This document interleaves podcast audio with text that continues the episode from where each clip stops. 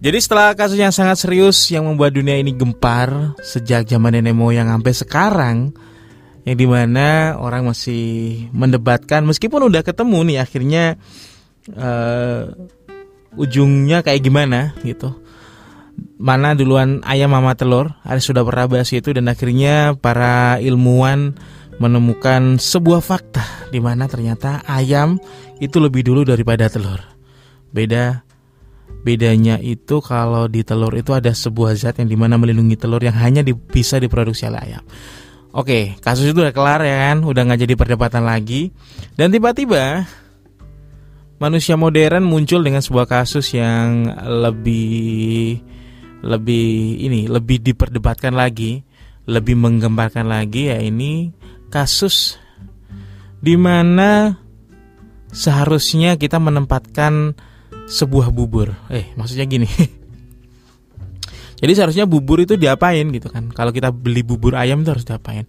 Haruskah diaduk ataukah tidak diaduk? Nah, ini adalah sebuah pertanyaan yang uh, sangat menohok ya.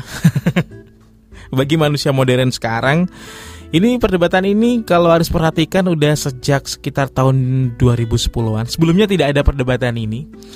Jadi sebelumnya itu nggak ada perdebatan orang makan bubur makan bubur aja terserah dia mau diaduk apa enggak gitu kan. Terus kemudian sekitar tahun 2010-an akhirnya hal ini tercetus lah dari mulut seorang netizen ya yang kemudian dikomparkan dengan uh, gimana cepatnya sosial media waktu itu. Akhirnya muncullah kasus di mana apakah bubur itu harusnya diaduk ataukah tidak diaduk. Akhirnya ada dua tim bubur diaduk sama tim bubur yang nggak diaduk gitu. Cuman dari penjelasannya masih belum ketemu gitu kan, belum ketemu titik temunya. Mereka masih berdebat, mereka masih berantem terkait apakah bubur itu diaduk, apakah bubur itu tidak diaduk.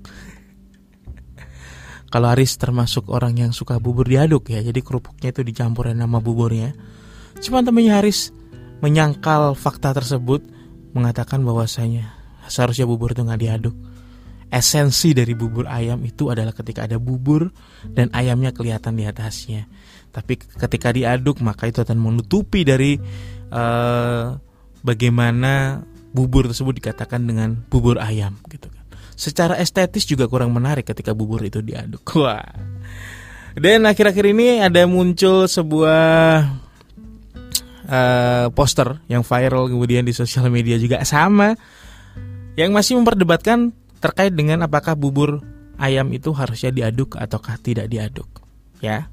Jadi akhirnya seorang e, pedagang bubur ya seorang pedagang bubur yang kemudian membuat sebuah flyer eh sebuah flyer sebuah poster sebuah poster yang diletakkan di depan gerobak bubur ayamnya Dia mengatakan beberapa kelebihan dan kekurangan dari bubur diaduk dan bubur yang tidak diaduk. Ini mungkin untuk menyatukan netizen atau manusia-manusia modern tentang pemahamannya tentang bubur yang diaduk ataukah bubur yang tidak diaduk itu untuk mempersatukan mereka. Salah satunya dengan membuat si poster ini. Jadi di situ dituliskan bahwasanya ketika kita makan bubur kemudian diaduk, nah kelebihannya itu yang pertama si bubur ini akan lebih mudah dicerna. Secara tidak langsung kita ya kalau kita perhatikan bubur yang diaduk ini berarti kita membantu uh, sistem pencernaan kita. Sehingga dalam mengunyah ya kan? Kan mengunyah itu mencampur ya. Kemudian masuk ke tenggorokan masuk ke perut yang di perut juga dicampur lagi. Paling enggak kita sudah mewakili sedikit tugas mereka sistem pencernaan kita sehingga si bubur tersebut akan lebih mudah dicerna ketika diaduk. Ini kelebihannya untuk bubur yang diaduk. Nah kelebihan yang selanjutnya untuk bubur yang diaduk adalah ketika si bubur ini akan lebih mudah sampai ke lambung. Wah ini tepat sekali. Karena kita tidak harus menggunakan tenaga lebih ketika kita harus makan kriuknya si kerupuk abang-abang ini ya kan? Kita nggak butuh effort yang lebih ketika kita menggigit kerupuk. Kan biasanya kalau orang gigit kerupuk itu butuh effort gitu kan. Gigit kerupuk. Terus kemudian bubur yang diaduk juga semua rasa akan tercampur dengan sempurna yang di mana ini berarti mewakili sila keadilan sosial bagi seluruh Indonesia. Jadi kita adil gitu dengan semua semua rasa makanan yang ada di dalam mangkok bubur tersebut. Jadi mau ngambil bubur yang sebelah pojok, mau ngambil bubur yang sebelah tengah, mau yang agak ke kanan, mau yang eh, sebelah utara, semuanya rasanya sama. Ini menandakan bosnya kita adalah manusia yang adil. gitu. Cuman kekurangannya memang bubur yang diaduk ini dia tidak memiliki nilai estetik ya kan? Kalau udah diaduk kan bentuknya nggak karu-karuan gitu ya. Meskipun rasanya mungkin enak dan rata gitu. Tapi secara kelihatan dia tuh kurang estetik. Terus kemudian mengurangi nafsu makan sebagian besar orang ketika si bubur ini diaduk. Karena sebagian orang itu sudah berimajinasi dengan bentuk pros, uh, bentuk setelah proses si bubur tersebut diaduk kemudian orang akan berim, uh, berimajinasi ini kayak apa ya? Lebih mirip kayak ah sudahlah. Kita tidak usah bahas itu. Kemudian untuk bubur yang tidak diaduk. Nah ini juga punya kelebihan nih. Yang pertama terlihat dan terjaga tetap estetik. Jadi kerupuk sebelah kiri kemudian ayam sebelah kanan terus kemudian eh, kacang kedelai sebelah tengah ditambah sama ini biasanya sama daun bawang sambal pinggir atas. Nah, ini akan terlihat lebih estetik dan meningkatkan nafsu makan hingga 30%. Faktanya seperti itu. Entah siapa peneliti yang meneliti ini.